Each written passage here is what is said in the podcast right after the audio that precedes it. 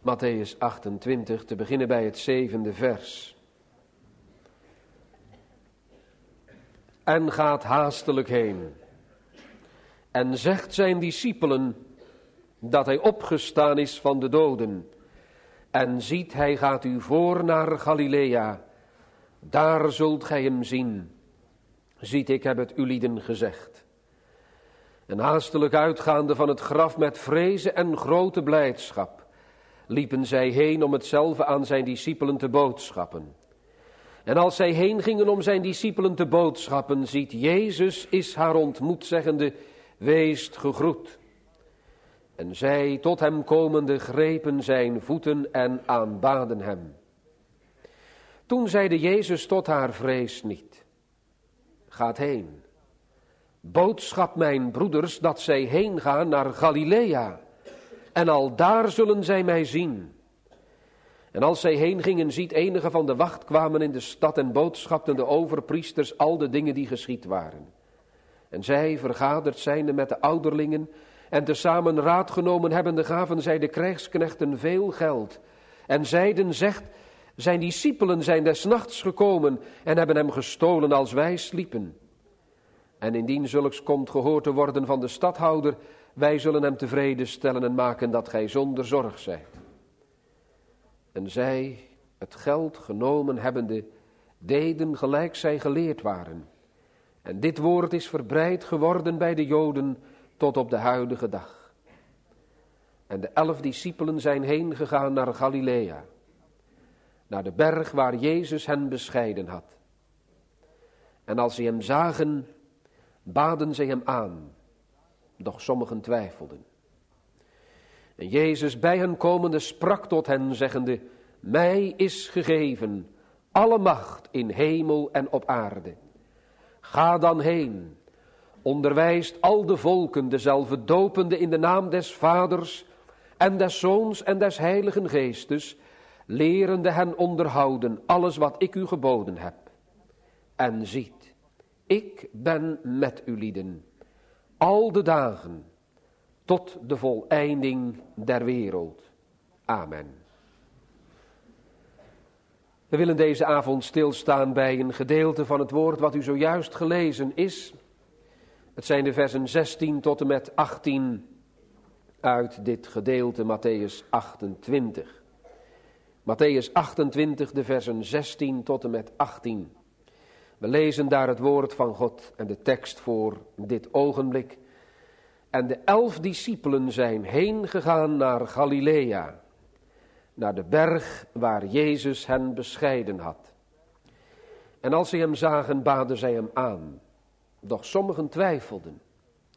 En Jezus bij hen komende sprak tot hen zeggende, mij is gegeven alle macht in hemel en op aarde.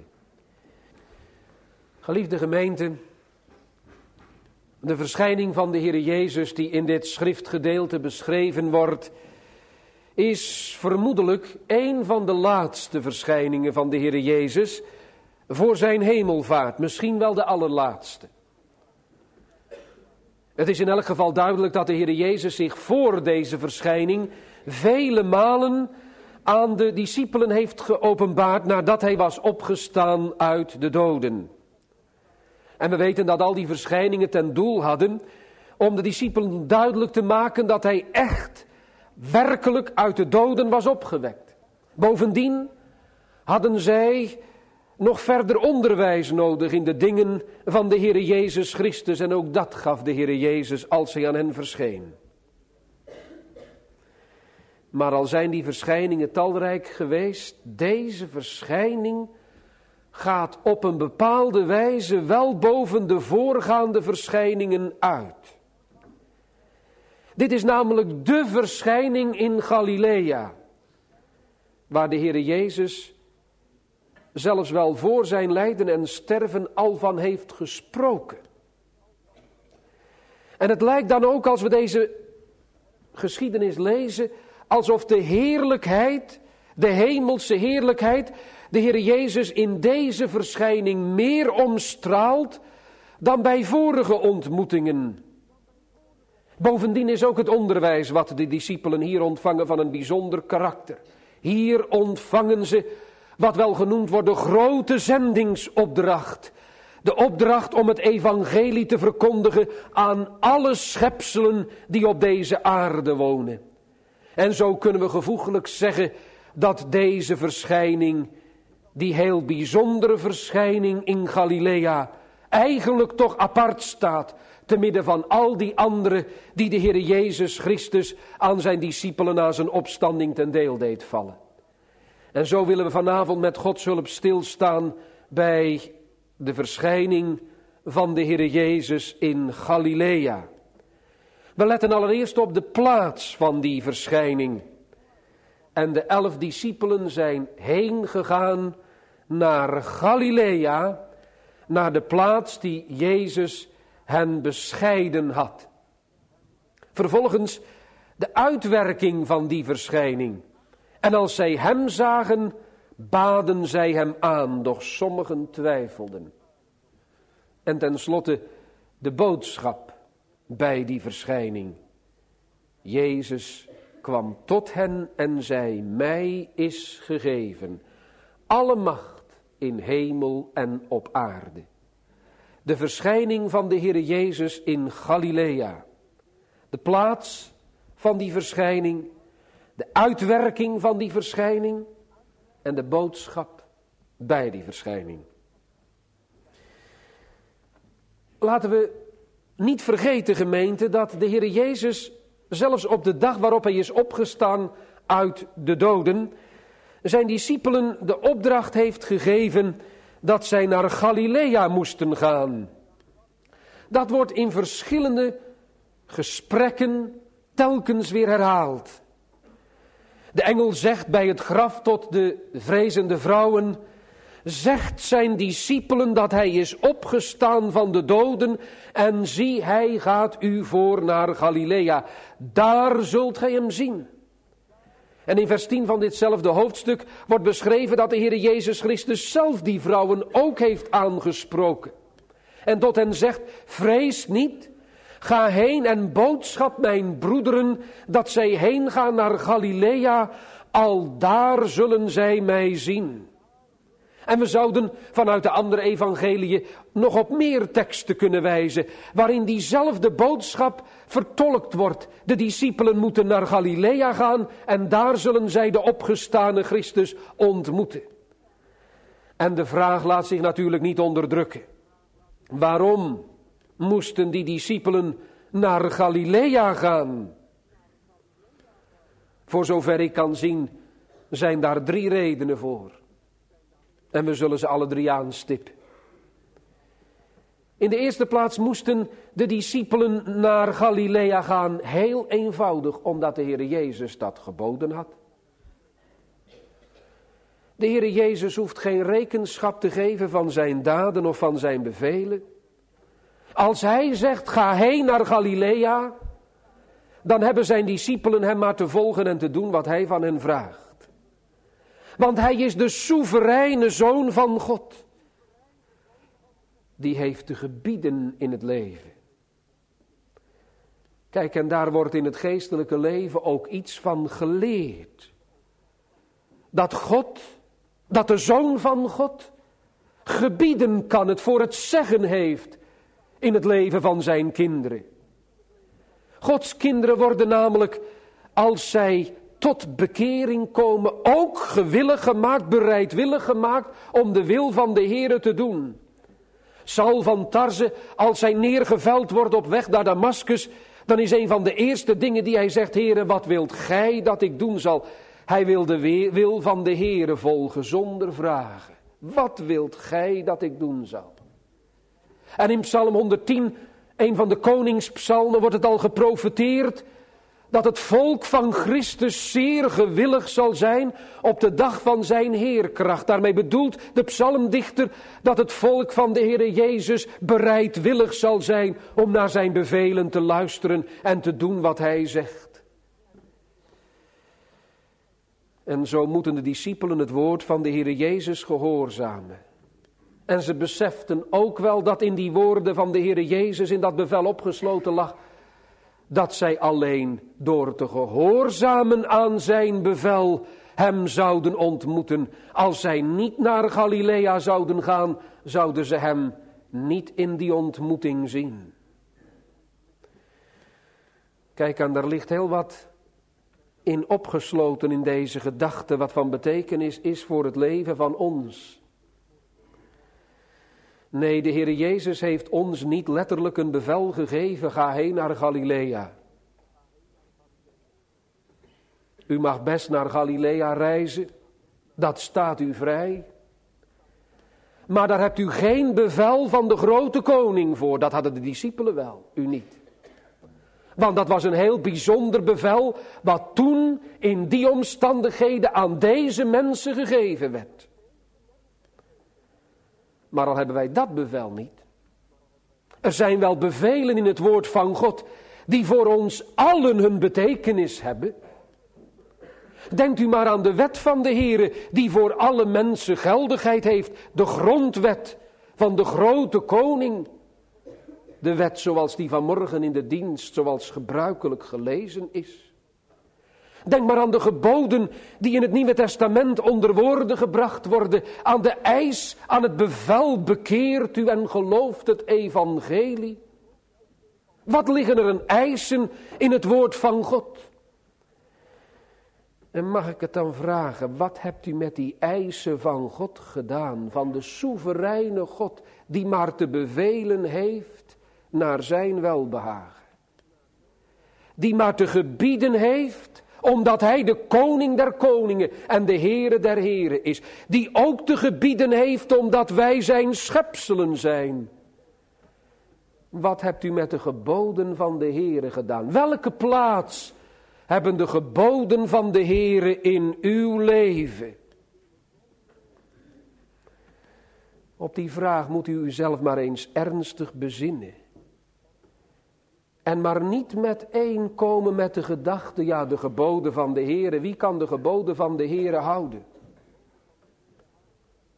Mijn beste vriend, dat is niet de eerste vraag. De eerste vraag is, hoe bent u met die geboden werkzaam? Welke plaats hebben ze in uw leven? Luther heeft in zijn heel beroemde boek over de knechtelijke wil gezegd, het allereerste is dat God zijn geboden geeft en dat geen schepsel onder een van de heilige geboden van God uit kan. God eist, gij zult. En dan heeft geen schepsel het recht om te zeggen, ik wil niet. Maar Luther zei er gelukkig nog wel wat bij en de schrift zegt er ook nog wat bij als een mensenkind ernst gaat maken met de geboden van de Heer. En die roeping ligt er voor ieder die vanavond het woord hoort. Dan ga je ook ontdekken, juist wanneer je ernst maakt met de geboden, dat je in eigen kracht die geboden nooit kunt houden. En die twee dingen, onthoud het, zei Luther, moeten ons uitdrijven. De eis waar God geen afstand van doet. En de onmogelijkheid waardoor wij zelf niets kunnen dan zondigen. Moeten ons uitdrijven tot de troon van Gods genade. Heere, geef wat gij eist. Geef een hart om te buigen voor uw geboden en een hart om in de weg van uw geboden te gaan. Welke plaats hebben de geboden van de Heere in ons leven? Zien we ze al als geboden van de soevereine God? Waarvan God nooit afstand doet? Zijn we al mee aan onze onmogelijkheden herinnerd? Drijven ze ons uit in de stilte van het pleitende, ootmoedige smeekgebed. Heere, geef mij een ander hart, een nieuw hart, om u te vrezen en in uw wegen te wandelen. Want vergeet het niet. Als u slordig met de geboden van God omgaat, met de eisen van de heilige koning der koningen. U zult de Christus niet ontmoeten. Want u ontmoet de Heere Jezus Christus niet buiten zijn geboden om. Buiten zijn inzettingen om. En dat wist die discipelkring van de elf ook. Ga. Hij had te bevelen. En daarom moesten ze naar Galilea. Dat was de eerste reden. En het was eigenlijk een voldoende reden. Maar dat is niet het enige. Als er zo nadrukkelijk staat dat de elf discipelen heen gegaan zijn naar Galilea omdat de Heere dat bevolen had, dan moeten we ook nog een streep zetten onder dat woord Galilea. Want er zit toch ook nog wel iets in dat ze nu speciaal naar Galilea moesten. Waarom was dat? Wel omdat Galilea de plaats was ja, waar de Heer Jezus Christus zijn werk begonnen had en hen had gevonden. Stuk voor stuk waren ze daar geroepen en daar tot bekering gekomen. Galilea, wat was dat eigenlijk voor een, voor een streek? U weet het, als u de kaart van Israël in uw gedachten hebt, dan lag Galilea daar helemaal in het noorden. En dan was Galilea volgens de profeten het verachte Galilea. Als de Heer Jezus zijn prediking begint, dan schrijft Matthäus in het begin van zijn evangelie, u kunt het nalezen in hoofdstuk 4, dat de Heer Jezus begon het evangelie te prediken in het Galilea der heidenen, dat wil zeggen het verachte Galilea, opdat de profetie van Jezaja vervuld zou worden, gij land van Zebulon en Naphtali, aan de weg der zee, Galilea der heidenen. Het volk dat in duisternis wandelt, zal een groot licht zien. En zij die gebonden zijn in de schaduwen van de dood, dezelfde zal een groot licht opgaan. En daar hebt u het. Galilea was de verachte plaats. Het Galilea der heidenen. Daar woonde geen zuivere Joodse bevolking. Daar woonden halve en hele heidenen. En als straks Nathanael zegt, kan uit Nazareth iets goeds komen? Dan vertolkt hij het algemene Joodse Israëlitische gevoelen. Galilea, dat was een minderwaardig soort. Daar woonden de scharen van de heidenen, de scharen die de wet niet kenden. Er ligt dus iets van het vernederde, van het verachte, van het onedele in dat woord Galilea. En nu is de Heer Jezus daar zijn werk begonnen en daar heeft hij zijn discipelen geroepen. Galilea. En daar moeten ze naar terug, daar worden ze hier aan herinnerd. Want de Heer Jezus gaat die elf discipelen straks ontzaglijk veel geven. Hij gaat ze met grote opdrachten toerusten en vele gaven krijgen ze. Maar juist op dat moment moeten ze er nog maar even aan herinnerd worden. Waar hij ze gevonden heeft. In Galilea. In het land van de heidenen. Want deze knechten van God, kinderen van God, moeten blijven bedenken wie ze zijn in zichzelf. En hoe God ze zocht in Christus. En hoe de Heere Jezus als de herder van de schapen ze vond. Wat is dat nodig? Ook in het leven van mensen die de Heere vrezen vandaag. Dat ze zo van tijd tot tijd weer eens aan hun afkomst herinnerd worden. En dat de Heere zelf ze is als het ware bij de hand terugneemt naar de plaats waar hij ze vond Waar hij ze riep uit de dikke duisternis van de macht en van de nacht van de zonde. Dat hij ze terugbrengt waar het allemaal begonnen is. En zeg u het is waar, heeft God u dan gevonden? Als u terugdenkt aan dat moment of aan die periode toen de Heere, zoals u nu mag zien, begon in uw leven te werken. Waar vond Hij u? Hoe vond Hij u?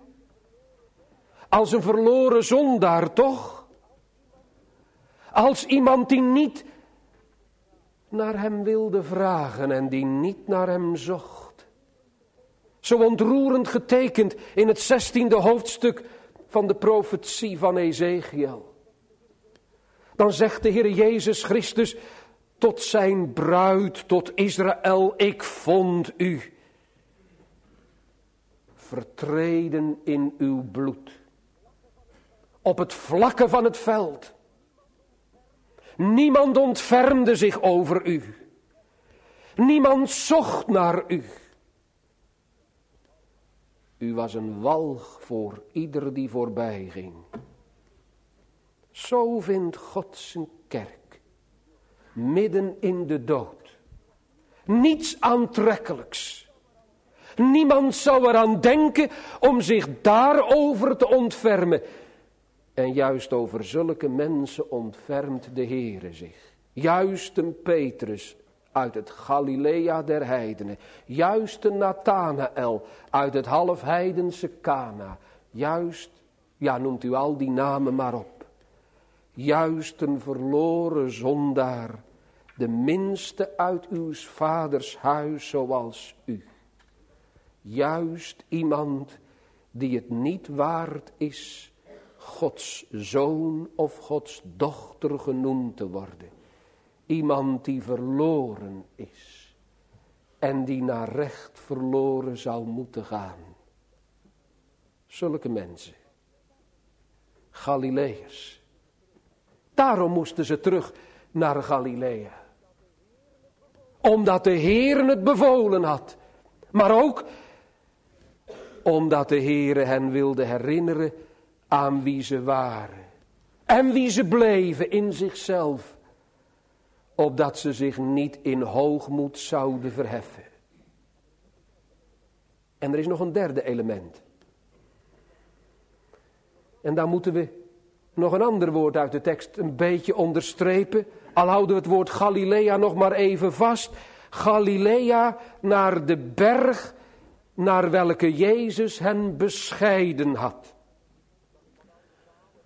Dat is wat oude taal en dat betekent letterlijk zoiets als naar de berg die de Heere Jezus hen had aangewezen.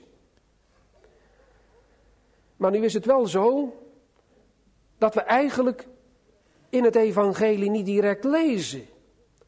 Dat de Heere Jezus, toen hij sprak over Galilea, waar de discipelen naartoe moesten gaan na zijn opstanding, dat ze naar een berg moesten gaan. En de tekst kan ook zo vertaald worden. En ik denk dat het de juiste betekenis is. Dat de Heere Jezus ze wees naar de berg waar hij hen bevelen had gegeven. En dan is het de berg van de bergreden. De berg waar hij voor het eerst zijn grote wonderwerken had verkondigd aan de discipelen. De berg waarvan hij verkondigd had, zalig zijn de armen van geest, want der zulker is het koninkrijk der hemelen. Zalig zijn zij die treuren, zalig zijn zij die hongeren en dorsten naar de gerechtigheid. Die berg.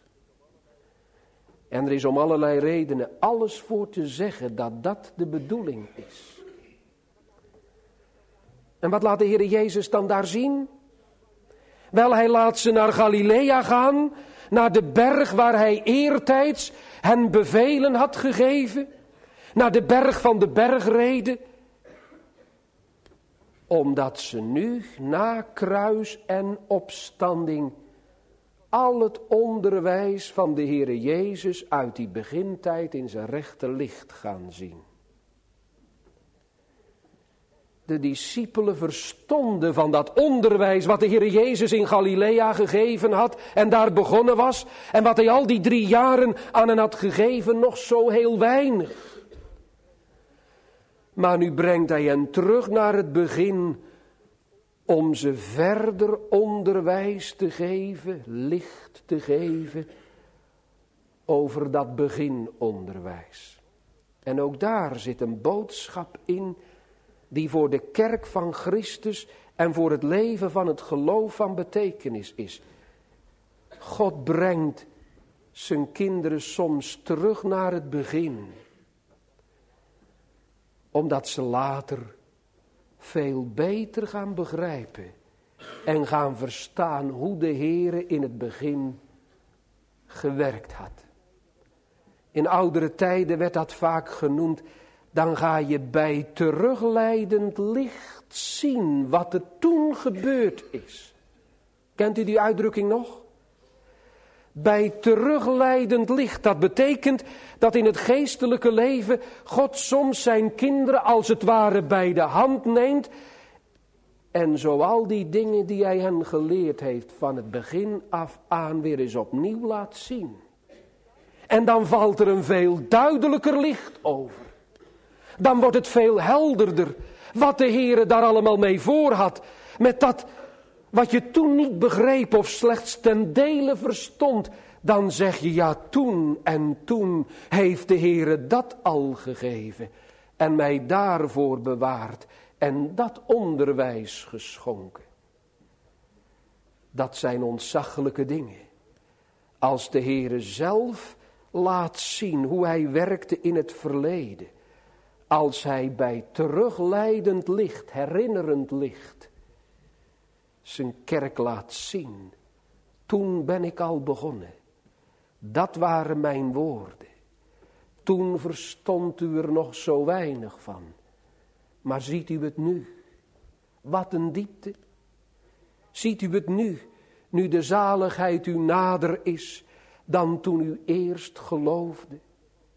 Ja, wat is het nodig, want er is als het goed is in het geloofsleven geen stilstand. Dat de Heere ook zijn volk, net als de discipelen, weer eens laat zien hoe het nu begonnen is. En wat voor onderwijzer geweest is door al die jaren heen. En als de Heere daar verder onderwijs in geeft. Daarom om die drievoudige reden moesten de discipelen naar Galilea. Naar het Galilea der heidenen. En wat gebeurde er? Wel, toen kwamen ze bij die berg, die berg die ze aangewezen waren, waarschijnlijk de berg dus van de zaligsprekingen, waar de Heere begonnen was met zijn goddelijk onderwijs. En toen verscheen de Heer. Maar die verschijning gaat op een wat wonderlijke manier. Want we krijgen de indruk uit vers 17 dat ze hem wel zagen. Maar vers 18 geeft de indruk dat hij nog wat ver was. Want Jezus bij hen komende, nabij hen komende, hij was dus nog wat ver. En terwijl ze dus de Heer Jezus in de verte zagen komen, vielen zij voor zijn aangezicht neer, aanbaden zij hem. Moet u goed luisteren, dat staat er van al die elf discipelen. Zij aanbaden hem allen. Er was dus bij allen besef. Dit is de Heer. Hij komt naar zijn eigen belofte op ons toe. Hij verschijnt aan ons. En dan aanbidden ze hem diep in het stof. Want het woord wat hier gebruikt wordt, baden hem aan, is een woord wat je letterlijk zou kunnen vertalen met het stofkussen. En daar hoorde de houding bij van lang uit in de aarde vallen. En dat gold in het Oude Oosten als de diepste vorm van aanbidding en van verwondering. Deze aanbidding, het lang uitvallen in het stof, dat was alleen voor, ja, voor koningen die als een god vereerd worden in het oude Perzië. Maar ten diepste eigenlijk binnen de kerk alleen voor God. En zo vallen ze voor de verschijnende Heere Jezus in het stof. Ze aanbidden Hem in diepe ootmoed. Kijk, en dat is nu iets wat altijd mensen past. Als het gaat om de Heere Jezus Christus, als het gaat om Zijn verschijning, maar ook als het gaat om de wijze waarop Hij zich openbaart in Zijn woord, om Zijn verkondiging, om de dienst in de kerk, om het lezen van de schriften, om alles wat bij de Heere Jezus behoort, dan past ons diepe ootmoed, dan past het ons om te vallen in het stof. En als we dat nooit gedaan hebben en nooit geleerd hebben, dan vrees ik dat we ook heel weinig geleerd hebben van wie God is en wie Christus is en wie we zelf zijn. Want waar wij ontdekken wie God is en wie zijn Zoon, de Heer Jezus Christus is, en wie wij zijn voor Hem, ja, daar gaan we iets leren van het bukken in het stof van het innemen van de laagste plaats. Van het bukken, heren, ik ben niet waard dat u onder mijn dak zou inkomen. Ga uit van mij, want ik ben een zondig mens. Die diepe ootmoed, die treft u hier aan bij de discipelen, alle elf. Maar al ziet u ze allemaal op dezelfde manier in het stof liggen als de Heer Jezus Christus verschijnt. Er is toch verschil onder die elf. Allemaal mensen die de Heere vrezen. Maar sommige van die elf twijfelden. Daarin wordt duidelijk dat sommigen wel twijfelden, anderen niet. Er is dus onder die elf verschil. Allemaal in het stof. Sommigen twijfelden, anderen niet. Kijk, met het geestelijke leven is het zo dat dat kan zo verschillend zijn. Dat is niet iets van de confectie. Allemaal hetzelfde. Zoals soms wel eens gedacht wordt, het zijn allemaal gelovigen, hoor je dan vandaag vaak zeggen. Jazeker, al Gods oprechte kinderen zijn gelovigen. Maar er kan in de wijze van beleven, of om het oude woord te gebruiken in de stand van het geestelijke leven, dat betekent bij de inleving van de dingen, zoals ze het op dat moment ervaren, kan er zoveel verschil zijn. Dan kan een Petrus misschien met vertrouwen in het stof buigen.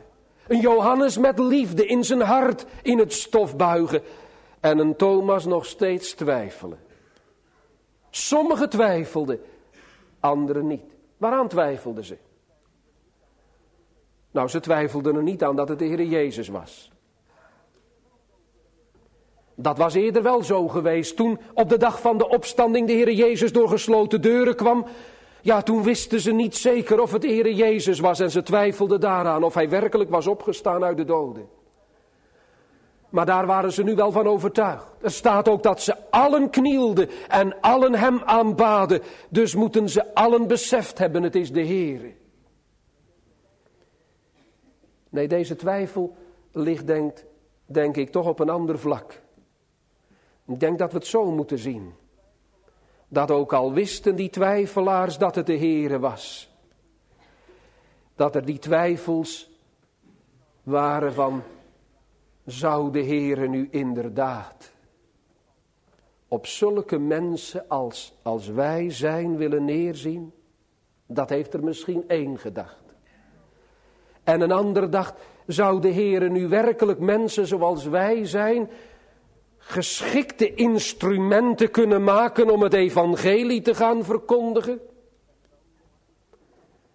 En een ander had misschien weer andere twijfels omdat hij zo voelde dat de inwonende zonde waar het vanmorgen over ging, nog zoveel kracht en zoveel macht en zoveel invloed liet gelden.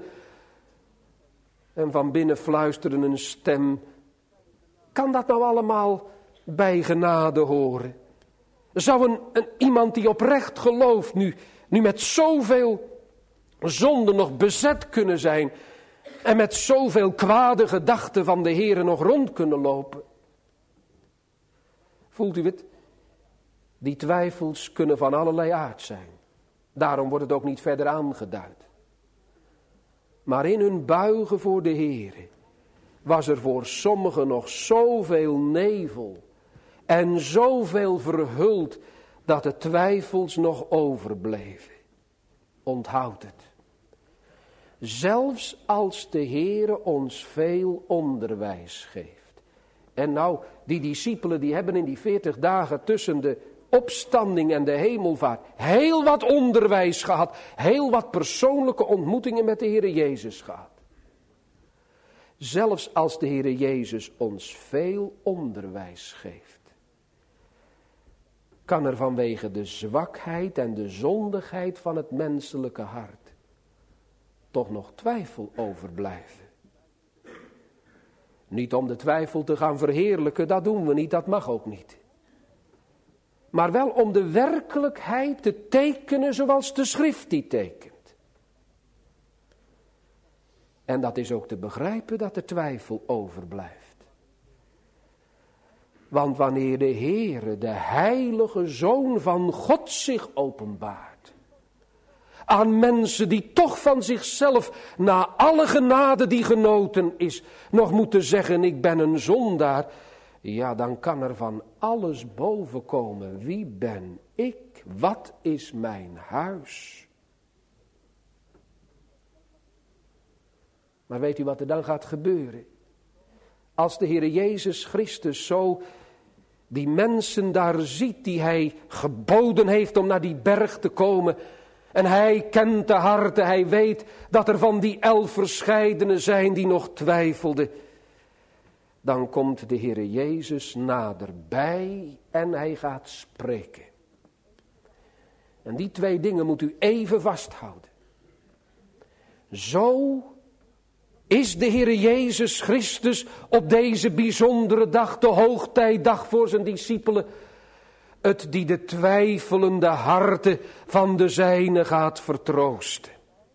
Hij komt dichterbij, zodat ze zeker weten dat Hij het is. En Hij spreekt tot hen. In zijn woord gaat Hij nu dieper openbaren duidelijker laten zien wie Hij is. En hoe verdrijft de Heere Jezus dan de vrees in de harten van zijn discipelen? Hoe verdrijft de Heere Jezus vandaag de dag, nu Hij niet meer hier op aarde is, de vrees in de harten van zijn kinderen? Wel als Hij door zijn woord en geest tot hen komt naderbij komt. Als de Heere Jezus door woord en geest zichzelf gaat openbaren. Zich meer en meer gaat openbaren. Wie Hij is. En wat er bij Hem nu te vinden is voor een totaal verloren zondaar. Ja, dat drijft de vrees en de twijfel. En daarom moedeloze mensen en twijfelende kinderen van God. Wat hebben die nodig? Klop je op hun schouder? Ach, daar hebben ze niets aan. Al is het op zichzelf soms wel eens goed om een klop op je schouder te krijgen, zo tussen mensen. Maar daar hebben ze in hun geestelijke strijd niets aan. Een woord ja, een woord op zichzelf doet ook weinig. Alleen als de Heer het gebruikt, dan doet het iets. En wat hebben ze dus nodig? Wel dat de Heere zelf door zijn woord en geest midden in hun nood komt. Want uw komst, zegt de psalmdichter toch, psalm 70, uw komst en dat heeft ook bevindelijke betekenis. Uw komst is het alleen die mijn heil volmaken kan. Bidden we daar wel om? O God, kom in uw lieve zoon tot mij. Openbaar uzelf aan mijn hart. Twijfelend kind van God tobbende zondaar. smeekt u zo om de verlossende, bevrijdende, machtige, genadige inkomst van de Zoon van God. Ja, van God zelf in uw leven. Uw komst is het alleen die mijn heil volmaken kan. Dat is nodig. Om Hem te leren kennen, al is het door de nevels heen. Om Hem te ontmoeten in het gewaad van Zijn woord. Dat Hij op bezoek komt en doorbreekt in het leven. Ja, dan gaat de twijfel weg. En wat zegt de Heer Jezus als Hij zo bij zijn discipelen komt en tot hen en aan hen verschijnt? Dan zegt Hij vele woorden. En nu kunnen we eigenlijk al die woorden die de Heer Jezus zegt volgens het slot van het Matthäus-evangelie niet van elkaar losmaken. Maar we moeten dat doen omdat we alleen maar over het eerste kunnen spreken. Dat kan ook. Want dat eerste is eigenlijk toch ook weer een apart woord, al hangt het ten nauwste samen met wat volgt. Want dat eerste is dat de Heer Jezus afkondigt wie Hij is. En het vervolg is dat Hij vraagt, beveelt aan zijn discipelen om iets te gaan doen. Maar Hij kondigt eerst af wie Hij is. Mij is gegeven alle macht in hemel en op de aarde. Hij laat hier dus zien dat hij de machtige is. Zo openbaart hij zich. Als de machtige, we mogen ook zeggen, almachtige zoon van God. En ook hier moeten we even letten op de woorden zoals ze staan in de oorspronkelijke tekst.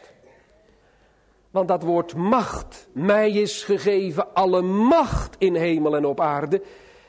Ja, dat is wel goed vertaald, maar dat heeft in het oorspronkelijk toch nog veel meer betekenissen dan alleen maar dat woord macht. Het kan bijvoorbeeld ook vertaald worden met het woord recht. Mij is gegeven alle recht in hemel en op aarde.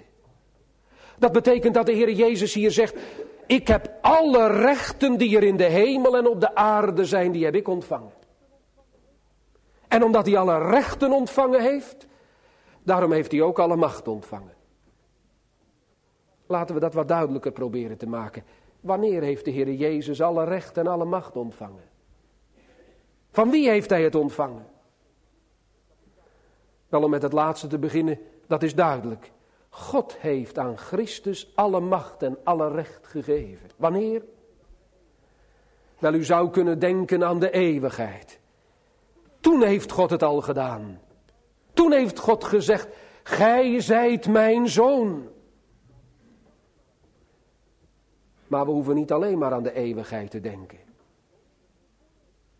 Heel in bijzonder heeft Christus als de verhoogde borg de macht en het recht gekregen. Toen hij de leidende borg was, ja, toen trok God de Vader zich als het ware terug. Toen was hij de machteloze, de man van smarten en verzocht in krankheid.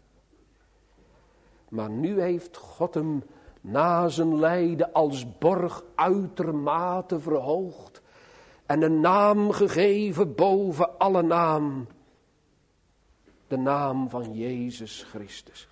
Met andere woorden, toen de Heer Jezus uit de doden is opgestaan, toen was dat het zichtbare bewijs dat God hem alle macht gegeven had, alle recht had toevertrouwd in hemel en op aarde. Zo zouden we het kunnen zeggen, God had het hem al van eeuwigheid afgegeven. Maar in de opstanding, in de verhoging van de Heer Jezus, toen werd het zichtbaar, toen werd het tastbaar dat de Heer Jezus het ook ontvangen had. Mij is gegeven alle macht en alle recht. En laten we dan maar beginnen met dat recht en die macht wat uit te werken zo, wat dat betekent hier op aarde. Mij is gegeven alle macht hier op aarde. Daar beginnen we maar mee alle macht op aarde en alle recht op aarde. Wat bedoelt de tekst? Wel, als we dat lezen in zijn verband en ook tegen de achtergrond van die psalm die we voor de preek zongen, psalm 2, leest u de onberijmde psalm nog maar eens door. Dan ziet u dat in psalm 2 Christus profetisch wordt aangesproken als de koning. En dan wordt in die psalm profetisch van de Heer Jezus Christus gezegd dat hij recht en macht krijgt over de heidenen. En dat hij over de heidenen zal heersen. En weet u wat dat betekent? Dat betekent onder andere dit. Dat de Heer Jezus het recht heeft op de levens van mensen. Hij heeft er recht op om gediend en gevreesd te worden. Zoals God er recht op heeft als de schepper om gediend en geëerd te worden. Zo heeft Christus hier op aarde het recht van zijn vader gekregen om geëerd en gediend te worden. En daarom heeft niemand het recht om onbekeerd te blijven. Want God heeft er recht op om gediend te worden. Christus heeft er recht op om koning te zijn. En daarom heeft niemand het recht om onbekeerd te blijven. We kunnen dat wel eens denken. Och, ik heb het zelf ook wel gedacht. Dat je je eigen weg kan gaan. Dat je kan doen wat je zelf wilt. Niemands knecht, eigen meester. Maar niemand heeft het recht om eigen wegen te gaan en om onbekeerd te blijven. Want God heeft recht op ons leven. En Christus heeft het recht van zijn Vader gekregen op de levens van mensen. En weet u wat nu zo erg is? Als er nu jonge mensen zijn of ouderen, en dat staat zo aangrijpend in die tweede psalm, die zich tegen dat recht van God en van zijn Christus verzetten. Oh, dan wil de Heer Jezus Christus door de prediking van het woord hen wel aansporen en smeken om te buigen voor hem, de koning der koningen. Maar eindelijk als zij zich tegen hem blijven verzetten, ja dan komt de tijd dat hij allen die het recht van Christus en van zijn vader ontkend hebben en zich er tegen verzetten, dat hij ze vernietigt. Hij slaat ze aan stukken. Als de vaten van een pottenbakker die mislukt zijn en bij het bakken niet helemaal goed gekomen zijn. Die pottenbakker gooit die verkeerde vaten stuk. Hij slaat ze aan gruizels. Zo zal het gebeuren, jonge meisje, ouderen in ons midden. Als wij het recht van God en het recht van Christus verachten en doorleven voor eigen rekening, voortgaan op eigen paden en zoeken de dingen van beneden. En daarom ligt er juist in die gedachte van het recht van de Heer Jezus Christus zo'n dringende roepstem. Bekeer je, bekeert u. Want waarom zou u sterven? U hebt het recht niet om voor te leven voor eigen rekening. O, dat u vandaag toch zacht bekende, zegt de Bijbel, wat tot uw vrede dient. Zoek dan toch de Heere. Smeek hem om de blinde ogen te openen. Vraag of hij oog wil geven voor het recht en voor de geboden van hem. Vraag of hij wil laten zien hoe arm en ellendig je bent in jezelf. Vraag of hij de weg van de verlossing wil openen, die in Christus Jezus is. Ja, er zijn ook mensen hier op aarde die dat weten, dat God recht is en in hem is geen onrecht. Die weten dat God er recht op heeft om gediend te worden. Maar die bij zichzelf niet de mogelijkheden ontdekken om hem te dienen. Die aan hun onmogelijkheden herinnerd worden telkens weer.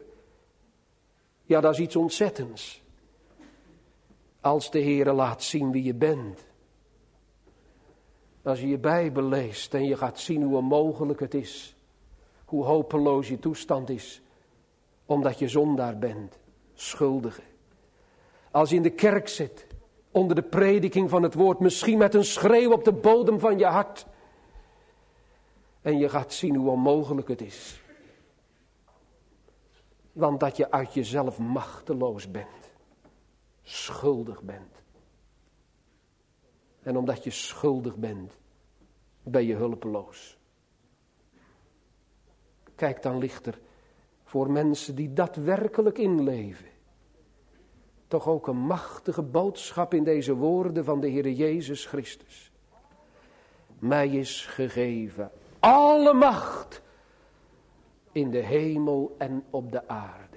Dat betekent dat niets op de aarde onmogelijk is voor deze zoon van God, die alle macht, almacht van God de Vader ontvangen heeft. En die die almacht wil bewijzen, hoe?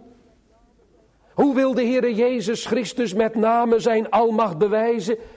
Ach, dat leest u in het vervolg door zijn woord te laten prediken. In de prediking van het woord wil die almachtige zoon van God zelf meekomen. Met de kracht van zijn opstanding.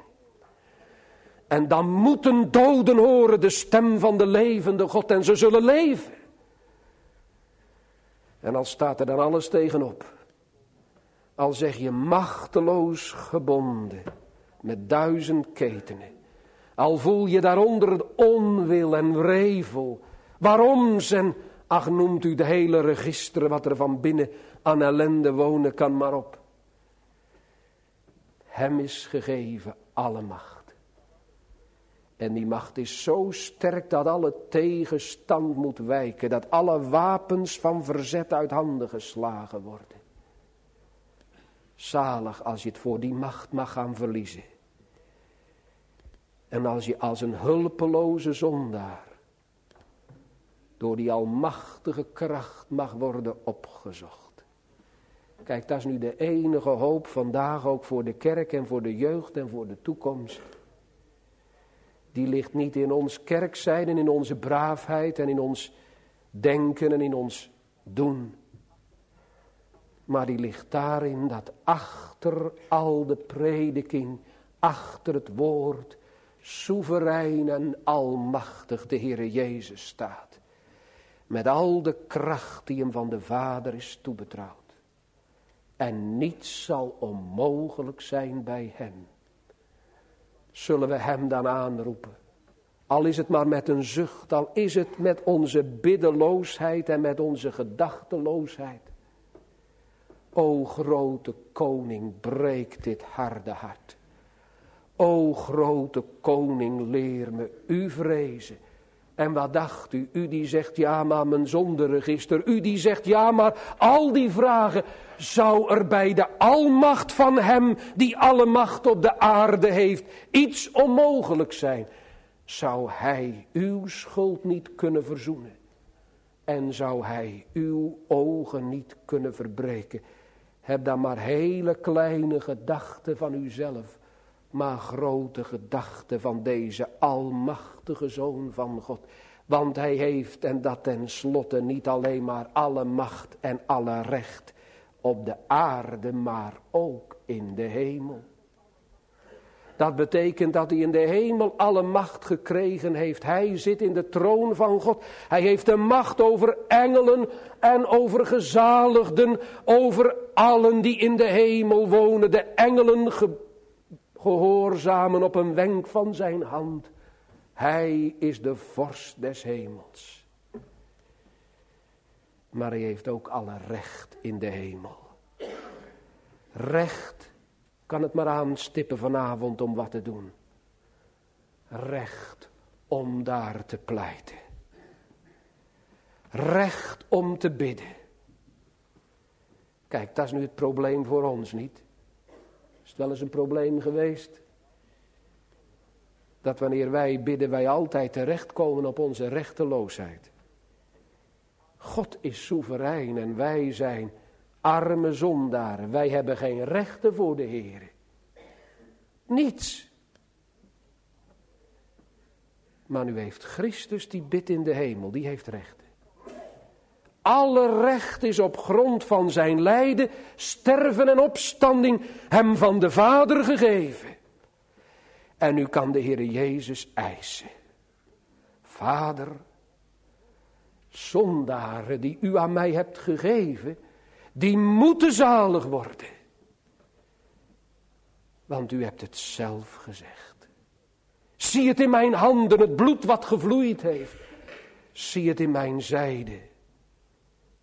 Ik heb voor hen betaald. Vader, ze moeten zalig worden. Want ze waren uwe. En u hebt ze mij gegeven. En daarom kan hier op aarde geen duivel, geen zonde, geen macht van duisternis en lijden, geen ziekte, geen dood. Niets kan hen scheiden van God in Christus.